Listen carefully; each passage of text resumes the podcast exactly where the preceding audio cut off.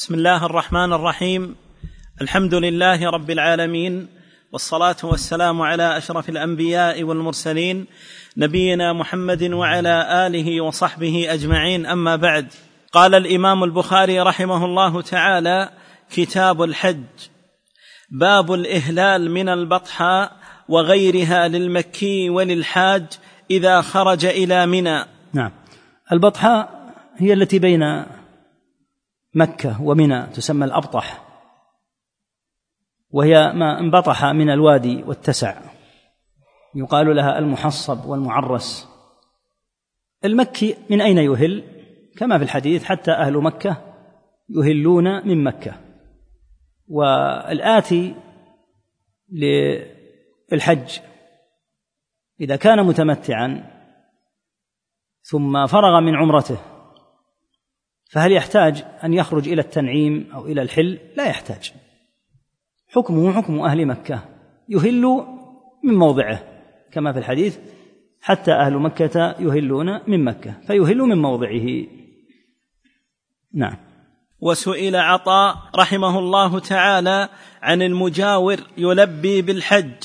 قال وكان ابن عمر رضي الله تعالى عنهما يلبي يوم التروية إذا صلى الظهر واستوى على راحلته. نعم. المشروع هل يبدأ في الإحرام من أول ذي الحجة؟ هذا قول لبعض أهل العلم. الإحرام يكون في اليوم الثامن وهو يوم التروية. سمي بيوم التروية لأنهم كانوا يروون الماء. المواضع في ذلك الوقت ما كان فيها ماء. فيملؤون القرب والأواني بالماء لأنهم سيذهبون إلى منى ثم من منى إلى عرفة ثم يعودون من عرفة إلى مزدلفة ثم إلى منى فيستعدون بالماء. فسمي ذلك اليوم هو اليوم الثامن يوم التروية لأنهم يروون القرب والأواني يملؤونها بالمياه. فهذا اليوم هو اليوم الثامن قبل يوم عرفة. يوم عرفة اليوم التاسع. في اليوم الثامن يهل بالحج. نعم. وقال عبد الملك عن عطاء. وقال. وقال عبد الملك عبد. عبد الملك عن عطاء عن جابر رضي الله تعالى عنه. قدمنا مع النبي صلى الله عليه وسلم فأحللنا حتى يوم التروية وجعلنا مكة بظهر بظهر. بظهر. يعني وراء ظهورنا. يعني مشينا اتجهنا إلى منى. نعم. وجعلنا مكة بظهر ل... لبينا. لبينا بالحج. وقال أبو الزبير عن جابر أهللنا من البطحاء. وقال عبيد ابن جريج. نعم ابن إذا أهلوا من البطحاء معناه أنهم ما خرجوا. ما خرجوا إلى الحل. لأن عائشة رضي الله عنها كما تقدم لما انتهى الحج وطلبت من النبي صلى الله عليه وسلم أن تعتمر وقال إن طوافك بالبيت وسعيك يجزيك عن حجك وعمرتك. مع ذلك ألحت على العمرة فأمر أخاها عبد الرحمن أن يعمرها من التنعيم خرجت إلى التنعيم. لكن هذا الذي وصل إلى مكة وقد أهل بالحج من الميقات. ثم وصل إلى مكة واعتمر مثلا في اليوم الرابع وبقي حلالا في اليوم الخامس والسادس والسابع والثامن. جاء اليوم الثامن. لا يقال اخرج إلى التنعيم. يقال أهل من مكانك. لأنه صار كأنه أهل مكة. نعم. وقال عبيد ابن جريج لابن عمر رضي الله تعالى عنهما رأيتك إذا كنت بمكة أهل الناس إذا رأوا الهلال ولم تهل أنت حتى يوم التروية. فقال لم أرى النبي صلى الله عليه وسلم يهل حتى تنبعث به راحلته. حتى حتى تنبعث به راحلته. نعم. أجاب على هذا ابن عمر رضي الله عنه. لماذا؟ ابن عمر ابن عمر رضي الله عنه معروف أنه من أكثر الناس اقتداء بالنبي صلى الله عليه وسلم حتى في السنن وغيرها. فيسأله عبيد بن جريج كأن الناس يتقدم بعضهم فيبدأون إذا رأوا هلال ذي الحجة يحرمون يعني في اليوم الأول يكونون محرمين. ويبقون الثاني والثالث والرابع والخامس والسادس والسابع والحج بعد لم يأتي. قال أنت لا تهل إلا يوم التروية وهو اليوم الثامن. فقال لم أرى النبي صلى الله لم أرى النبي صلى الله عليه وسلم يهل حتى تنبعث به راحلته. فالمشروع لمن أتى وهو متمتع وتحلل من عمرته أن يهل بالحج في اليوم الثامن. يبقى حلالا اليوم الخامس والسادس والسابع أو حتى لو يعني أتى مكة في اليوم الثاني وأخذ عمرته في اليوم الثاني أو الثالث أو الأول فإنه يبقى حلالا يعني يكون يحل من من الإحرام ويبقى يلبس المخيط يأتي النساء كأنه في بلده. وهذه فائدة التمتع. ولذلك فإنه يلزم بالهدي. ثم إذا أتى اليوم الثامن يهل بالحج. هذا هو المشروع. يتجه إلى منى كما سيأتي إن شاء الله تعالى ويصلي فيها الصلوات. نعم. أحسن الله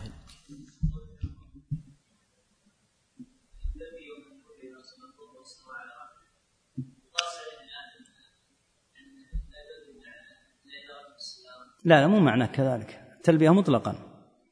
التلبية فيما يتعلق بالحاج مطلقا. نعم. لأنه تقدم معنا مبحث متى أهل النبي صلى الله عليه وسلم. فمنهم من قال إنه أهل بالبيداء ومنهم من قال إنه أهل بعدما انبعثت به راحلته ومنهم من قال إنه أهل عليه الصلاة والسلام في موضعه. وكل ذلك حق. كله هل في هذا الموضع وفي هذا وحين ركب راحلته وحين كان في البيداء. كلها فسمع هذا بعض الصحابة وسمع هذا بعض الصحابة فكله حق. التلبية يعني مشروعة منذ أن آه، يهل بالنسك. نعم. باب أين يصلي الظهر يوم التروية؟ حدثني عبد الله بن محمد بن محمد. نعم. قال حدثنا إسحاق الأزرق. قال حدثنا سفيان عن عبد العزيز بن رفيع. قال سألت أنس بن مالك رضي الله تعالى عنه قلت أخبرني بشيء عقلته عن النبي صلى الله عليه وسلم. أين صلى الظهر والعصر يوم التروية؟ قال بمنى قلت فأين صلى العصر يوم النفر؟ قال بالأبطح ثم قال افعل كما يفعل أمراؤك. افعل افعل كما افعل كما يفعل أمراؤك. نعم. المشروع لمن أتى منى أن يصلي بها الظهر والعصر وكذا المغرب والعشاء. يحرص على أن يصلي الظهر والعصر يعني ما يبقى في مكة في المسجد الحرام. يقول سأصلي الظهر والعصر. المشروع أن يذهب إلى منى ويصلي بمنى الظهر والعصر والمغرب والعشاء. ثم من الغد يتجه إلى عرفة كما سيأتي إن شاء الله تعالى. لهذا لما سأل عبد العزيز بن رفيع أنس رضي الله عنه أين صلى الظهر والعصر يوم التروية؟ النبي صلى الله عليه وسلم قال بمنى. قال فأين صلى العصر يوم النفر؟ النفر يطلق على يومين. هناك النفر الأول وهو اليوم الثاني من أيام التشريق. وهناك النفر الآخر وهو اليوم الثالث من أيام التشريق. قال بالأبطح. ثم قال افعل كما يفعل أمراؤك. مراده إما أن الأمراء ذاك الوقت يصلون على السنة فيتجهون ويصلون كما صلى النبي صلى الله عليه وسلم فيقول هم الآن يطبقون السنة هم الآن انظر إليهم وافعل كما يفعلون. وإما أنه أراد أن ينبهه إلى ترك الخلاف لهم لأن صلاته الظهر في منى سنة من السنن. صلاة الظهر واجبة لكن أين يصليها؟ لو أنه صلاها آه، في المسجد الحرام لا حرج إن شاء الله تعالى لكن السنة أن يصليها كما فعل النبي صلى الله عليه وسلم بمنى. يقول افعل كما يفعل أمراؤك لأن هذا الأمر مثل السنن ونحوها ينبغي ألا يكون فيها خلاف. وألا يتسبب هذا في شيء من إيجاد يعني الضغينة بين الرعية وبين الراعي لأجل أمر لأجل أمر كون الصلاة في منى أو في مكة. الأمر في هذا مجزئ. فكأنه نبهه إما إلى هذا أن الأمراء على هذا الوضع وإما أنه قال الأمر في هذا سنة فإياك أن تخالف ويترتب على هذا شيء من الفتنة أو الخلاف في أمر من السنن. نعم. حدثنا علي سمع أبا بكر بن عياش قال حدثنا عبد العزيز قال لقيت انسا وحدثني إسماعيل ابن أبان قال حدثنا أبو بكر عن عبد العزيز قال خرجت إلى منى يوم التروية. يوم, يوم التروية. فلقيت انسا رضي الله تعالى عنه ذاهبا على حمار. فقلت أين صلى النبي صلى الله عليه وسلم هذا اليوم الظهر؟ فقال انظر كيف انظر حيث حيث يصلي أمراؤك فصلي. نعم.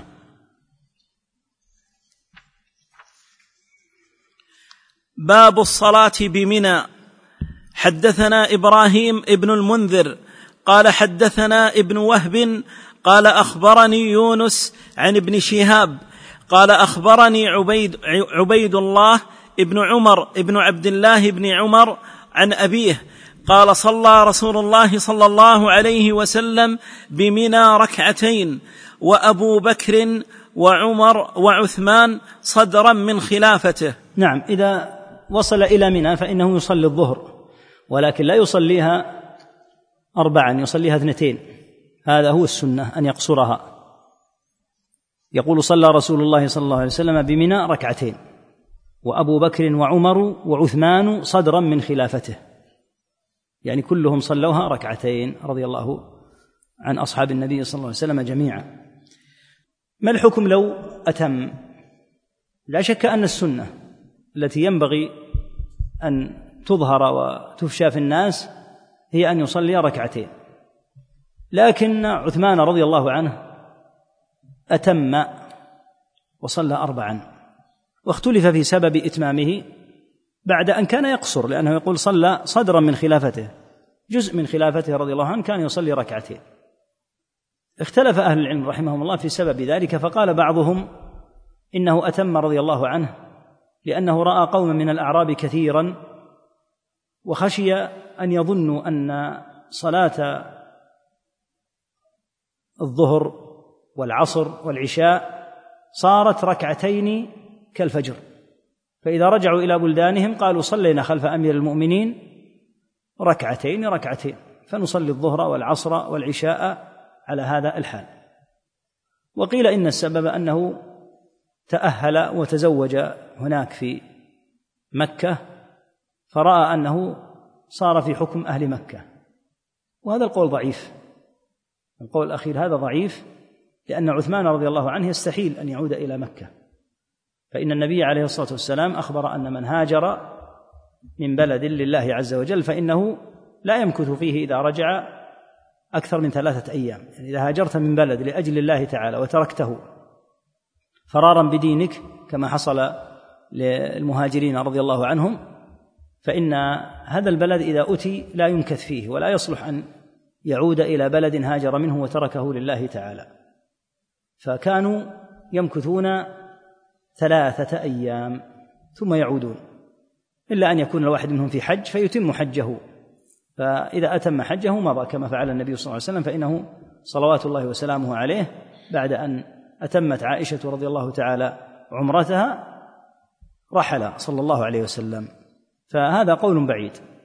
وكأن بعض أهل العلم يقول إن الأمر في إتمام عثمان رضي الله عنه أنه رأى أن القصر ليس على سبيل الوجوب والحتم وإنما هو من باب الفضيلة والسنية فكأنه إذا تركه ترك أي فضيلة أو أو أي مستحب.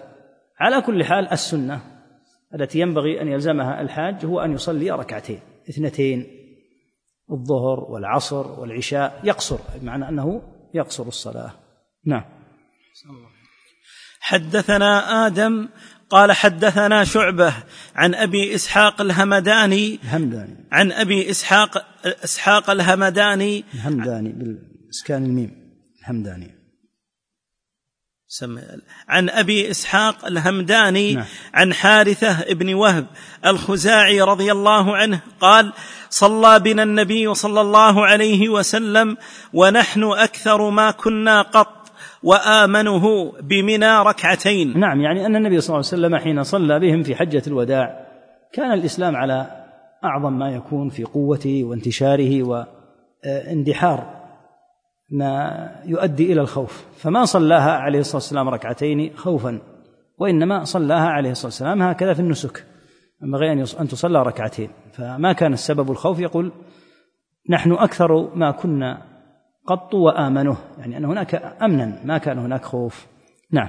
حدثنا قبيصة ابن عقبة قال حدثنا سفيان عن الأعمش عن إبراهيم عن عبد الرحمن بن يزيد عن عبد الله رضي الله تعالى عنه قال صليت مع النبي صلى الله عليه وسلم ركعتين ومع ومع أبي بكر ركعتين ومع عمر رضي الله تعالى عنه ركعتين ثم تفرقت بكم الطرق فيا ليت حظي من أربع ركعتان متقبلتان. هذا قاله رضي الله عنه لما أتم عثمان. وصلى أربع ركعات. قال صليت مع النبي صلى الله عليه وسلم ركعتين ومع أبي بكر وعمر رضي الله عنهم عنهما ركعتين. ثم تفرقت بكم الطرق. يعني اختلف الحال.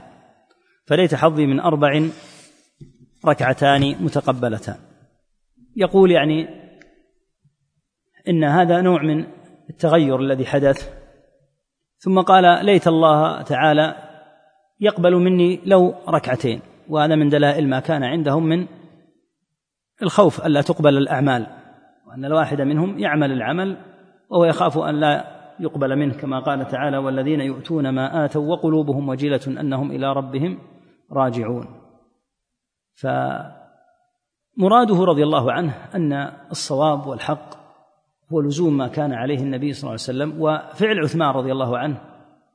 يعني ليس مما يزرى به ويذم به عثمان رضي الله عنه لأن عثمان رضي الله عنه تأول أمرا وإما سواء القول بأنه خشي أن يفهم بعض الجهال أن هذه سنة مستديمة فإذا رجعوا إلى بلدانهم قالوا صلينا الظهر والعصر والعشاء ركعتين فنلزم أن نصليهما دائما سواء قيل بهذا وإن كان ابن القيم يضعف هذا رحمه الله أو قيل إن عثمان رأى أن الأمر على سبيل السنية فمن تركه فإنما ترك سنة من السنن فيقول ابن مسعود مع ذلك ما كان عليه النبي صلى الله عليه وسلم هو الأفضل.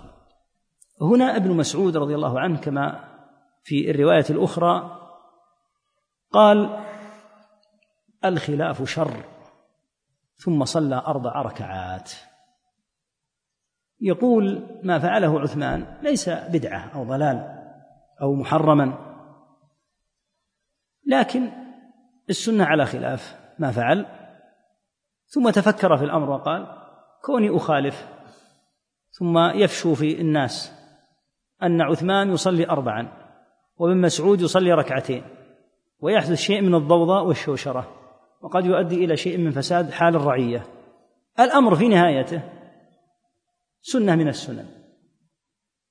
والخلاف شر وأشر وأضل وأبعد في فساده من ترك هذه السنة. إذن أصلي أيضا أنا أربع ركعات لأني إذا أتممت إذا أتممت فهو إتمام مسافر.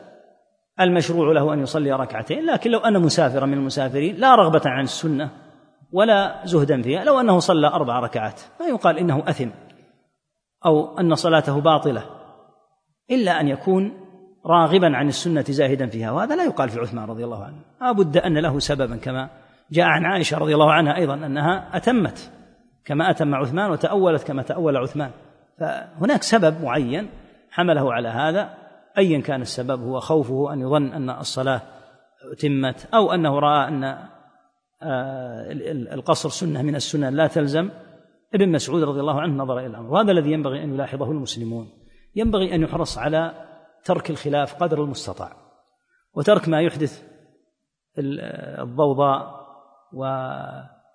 وفساد الحال ما بين الراعي والرعية وأن يحرص العقلاء والأخيار دائما على أن يفشو في الأمة الصلاح وترك الخلاف وأن يحرص المؤمن النبيه الموفق الذي يريد الله تعالى على أن يصلح قلوب على أن يؤثر في قلوب الرعية لئلا تنقم على الحاكم. فيؤدي ذلك إلى شيء من الاضطراب والفتن. ويحرص أيضا على الحاكم نفسه. نصحا وتوجيها برحمة الرعية والشفقة عليهم وأنه بمثابة الأب لهم وأنهم جميعا في رقبته في القيامة. كما قال الفضيل رحمه الله تعالى لهارون الرشيد قال لما كان في الحج قال هؤلاء الحجيج كل أحد منهم يسأل عن نفسه فإذا وردت القيامة كان هؤلاء كلهم تسأل أنت عنهم رحمهم الله. فيحرص على إصلاح الحال دائما بين الراعي والرعية. المؤمن الموفق هو الذي يسعى إلى إطفاء نار الفتنة ويحرص على أن يلتئم الحال بين الراعي حبا للرعية وشفقة عليهم وايصالا للحقوق لهم ومودة لإبعاد الضرر عنهم. ومن جانب الرعية يحرص على أن يصبرهم. ويأمرهم بالسكون والتحمل وأن يعلموا أنهم جميعا الحاكم والمحكوم كأناس في سفينة. إن حصل فيها خرق فإنه لن يغرق لن يغرق بعضهم دون بعض. إن حصل اضطراب في هذه السفينة غرق الجميع وهلك الجميع. فينبغي على أهل العلم وعلى أهل الخير أن يحرصوا على أن تطفأ أسباب الفتن وأسباب الخلاف وأسباب البغضاء والضغينة وأن يحرص على أن يعلم أن الجماعة هي في ذمة وأمانة ومسؤولية كبيرة في ذمة وأعناق الجميع. أن يحرص على هذه الجماعة لا يقع فيها خلل لأنه إذا وقع الخلل في الجماعة اضطرب الحال. على الحاكم وعلى المحكوم معا كلهم. الجماعة مما هي مكونة. الجماعة مكونة من حاكم ومن محكوم. لأن يعني كما قال ابن عبد البر رحمه الله لا جماعة إلا بإمام لا يتصور. حتى لو كان فيه مليون إنسان ليس عليهم حاكم. هؤلاء لا يسمون جماعة حتى يكون فيهم حاكم. فيحرص على إصلاح الحال بين الراعي والرعية وعلى إطفاء الفتن. ومر بنا قبل قليل حديث أنس رضي الله عنه لما سأله أين يصلي؟ أين صلى النبي صلى الله عليه وسلم في منى؟ قال صلى الظهر والعصر في منى. ثم قال صل حيث يصلي أمراؤك. يعني لا تتسبب في أنك تريد أن تلتزم هذه السنة ما دامت سنة فإنك تطيع في غير المعصية.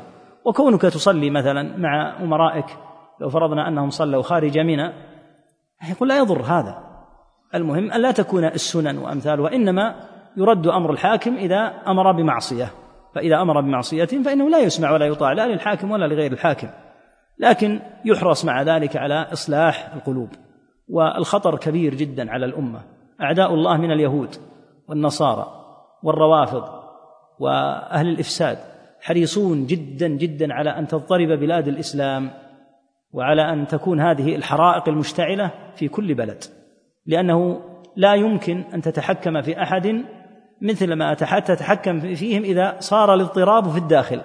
إذا صار الاضطراب في الداخل صار العدو يتشهى. ماذا يفعل؟ هل يزيد الاضطراب؟ هل يفرض شروطا؟ هل يتسلط أكثر؟ لأنه إذا انهارت الجبهة الداخلية وضعف الحال في الداخل تسلط الأعداء في الخارج وتمكنوا من أمور ما كانوا يتمكنون منها حين كانت الجماعة قوية. وهذا يوجب على الحاكم وعلى المحكوم معا أن يراعوا أمر قوة الجماعة. الجماعة الجماعة وثبوتها وقوتها وكونها عزيزة منيعة هذا أمر في غاية الأهمية. ولو أدى ذلك إلى أن الإنسان مثلا يترك بعض السنن لأن السنة إذا تركها الإنسان لأجل هذه المصلحة والله يعلم منها أنه يحب يحب هذه السنة وأنه يتمنى أن يفعلها فإنه لا يضره ذلك. والله تعالى يعلم بهذا. ولهذا ابن مسعود رضي الله عنه مع أنه ندم وفي بعض الروايات أنه لما بلغه أن عثمان صلى ركعتين استرجع فقال إنا لله وإنا إليه راجعون. تمنى أن عثمان رضي الله عنهم جميعا أنه ما فعل هذا. ثم قال الخلاف شر. لا حاجة إلى أن أخالف أو أن اقوم مثلا وأخطب خطبة في منى وأقول إن ما فعله عثمان لم يفعله النبي صلى الله عليه وسلم. ما له ما هذا حاجة. الخلاف شر. والمسألة في أمر القصر هي على سبيل الاستحباب. وبدلا من أن يقال هذا عثمان قصر الصلاة وهذا آه، أتم الصلاة. وهذا ابن مسعود جمع آه، وهذا ابن مسعود قصر يقول أنا سأتم كما أتم عثمان حتى ينتهي الاضطراب وتنتهي أسباب الشر وتقطع وهكذا ينبغي على أهل الإسلام أن يحرصوا على هذه الجماعة ألا يصيبها الشر ويتحكم فيها عدوها. نعم. أحسن الله إليك. باب باب صوم يوم عرفة. حدثنا علي بن عبد الله قال حدثنا سفيان عن الزهري قال حدثنا سالم قال سمعت عميرا مولى أم الفضل عن أم الفضل رضي الله تعالى عنها قالت شك الناس يوم عرفة في صوم النبي صلى الله عليه وسلم فبعثت إلى النبي صلى الله عليه وسلم بشراب فشربه. نعم. المشروع للحاج يوم عرفة الا يصوم يوم عرفة. صوم يوم عرفة مشروع لغير الحاج. أما الحاج فالمشروع له أن يكون مفطرا ليتقوى لأن يوم عرفة يوم عظيم. ينبغي أن يستغل بالذكر والدعاء. والنبي صلى الله عليه وسلم بعد أن صلى صلوات الله وسلامه عليه جمع الظهر والعصر مكث يدعو حتى غربت الشمس. فيوم عرفة يوم عظيم وهذا يحتاج من الحاج إلى القوة في بدنه وأن يكون آكلا شاربا ذلك اليوم. أما غير الحاج فالمشروع له أن يصوم عرفة. يوم عرفة صومه يوم صومه فيه فضيلة عظيمة لكن الحاج لا يشرع له أن يصومه. بل جاء عن النبي صلى الله عليه وسلم أنه أنه نهى الحاج أن يصوم يوم عرفة. أم الفضل رضي الله عنها لبابة بنت الفضل وهي أخت ميمونة وهي أم ابن عباس رضي الله عنهم ميمونة زوج النبي صلى الله عليه وسلم هذه أختها. شك الناس تردد الناس يوم عرفة في صوم النبي صلى الله عليه وسلم. هل النبي صلى الله عليه وسلم صائم أو غير صائم؟ فبعثت رضي الله عنها إليه صلى الله عليه وسلم بشراب فشربه صلى الله عليه وسلم أمام الناس فعرف الجميع أنه ليس بصائم. نعم.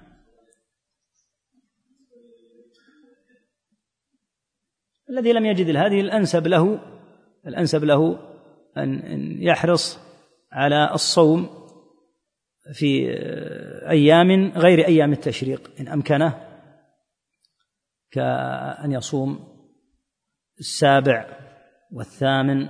وبعضهم يقول حتى لو أهل بالحج مبكرا كابن المنذر يقول حتى يصوم ثلاثة أيام قبل أيام التشريق. لكن يوم عرفة هذا ينهى عن صومه الحاج الذي وضعه ليس وضع صاحب الهدي. حتى قال بعض أهل العلم إنه يصام حتى أيام التشريق مع أنها محرمة طوال العام لكن قالوا إذا لم يجد إلا أن يصوم أيام التشريق فإنه يصومها. وضع صاحب الهدي وضع آخر. نعم. باب التلبية والتكبير إذا غدا من منى إلى عرفة. حدثنا عبد الله بن يوسف قال أخبرنا مالك عن محمد بن أبي بكر الثقفي أنه سأل أنس بن مالك رضي الله تعالى عنه وهما غاديان من منى إلى عرفة كيف تصنعون في هذا اليوم مع رسول الله صلى الله عليه وسلم؟ فقال كان يهل منا المهل فلا ينكر عليه ويكبر منا المكبر فلا ينكر عليه. نعم. إذا غدا إلى عرفة اتجه منى إلى عرفة. والغدو والذهاب غدوة. والغدوة هي الصباح مثل الأوقات الصباحية هذه. ولهذا تسمى صلاة الفجر صلاة الغداة في الصباح. والأكلة التي كانوا يأكلونها في الصباح يسمونها غداء. لكن نحن الآن في لهجتنا الدارجة نسمي الغداء الذي يكون بعد الظهر. وقد يفهم بعض الناس أنها قال تغدوا أنهم يتغدون بعد الظهر. لا ليس هذا الغداة وأكلة الغداة هي في الصباح لأن الغدو في الصباح. مثل ما قلنا في صلاة الفجر صلاة الغداة.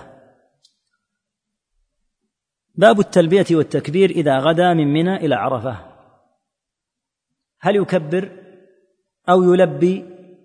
كل هذا ولله الحمد واسع. ولا ينكر في مثل هذه الأمور. لا الملبي ينكر على الذاكر ولا الذاكر ينكر على الملبي. لهذا سأل أنس رضي الله عنه وهما غاديان من منى إلى عرفة كيف كنتم تصنعون في هذا اليوم مع رسول الله صلى الله عليه وسلم؟ قال كان يهل منا المهل فلا ينكر عليه ويكبر منا المكبر فلا ينكر عليه. التكبير مشروع والتلبية بالنسبة للحاج مشروعة أيضا. فكل هذا من الأذكار الطيبة والصالحه والسليمة وهذا يدل على أن المواضع التي يكون فيها أكثر من سنة ليس لأحد أن يطلب أن تؤدى السنة الفلانية التي هو يؤديها وتترك السنة الأخرى. كل هذا ولله الحمد واسع. من كبر فإنه على سنة من لبى فإنه على سنة. نعم. باب التهجير بالرواح يوم عرفة. حدثنا عبد الله بن يوسف قال أخبرنا مالك عن ابن شهاب عن سالم قال كتب عبد الملك إلى الحجاج أن لا, يخا أن لا يخالف ابن عمر في الحج. فجاء ابن, فجاء ابن عمر رضي الله تعالى عنه وأنا معه يوم عرفة حين زالت الشمس. فصاح عند سر فصاح عند سرداق الحجاج فخرج وع فصاح فصاح عند سرداق كذا عندك؟ عند سرادق الحجاج. لا عند سرادق الحجاج الحجاج بيوسف الحج نعم. نعم. فصاح عند سرادق الحجاج فخرج وعليه ملحفة معصفرة. فقال ما لك يا أبا عبد الرحمن؟ فقال الرواح إن كنت تريد السنة. قال هذه الساعة؟ قال نعم. قال فأنظرني حتى أفيض على رأسي ثم أخرج فنزل حتى خرج الحجاج فسار بيني وبين أبي فقلت إن كنت تريد السنة فأقصر الخطبة وعجل الوقوف فجعل ينظر إلى عبد الله فلما رأى ذلك عبد الله قال صدق. نعم. يوم عرفة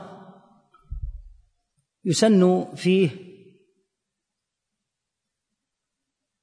ما جهله الحجاج بن يوسف هنا. الحجاج بن يوسف كان نائما.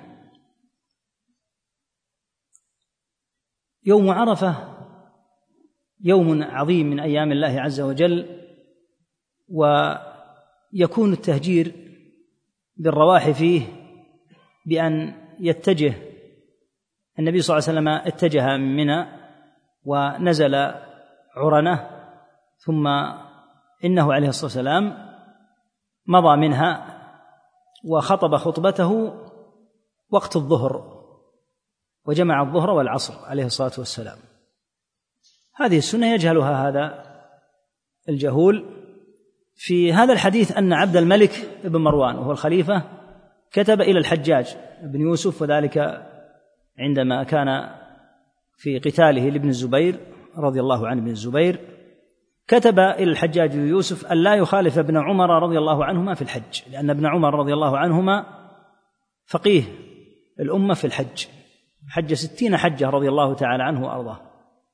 وكان شديد التأسي بالنبي صلى الله عليه وسلم.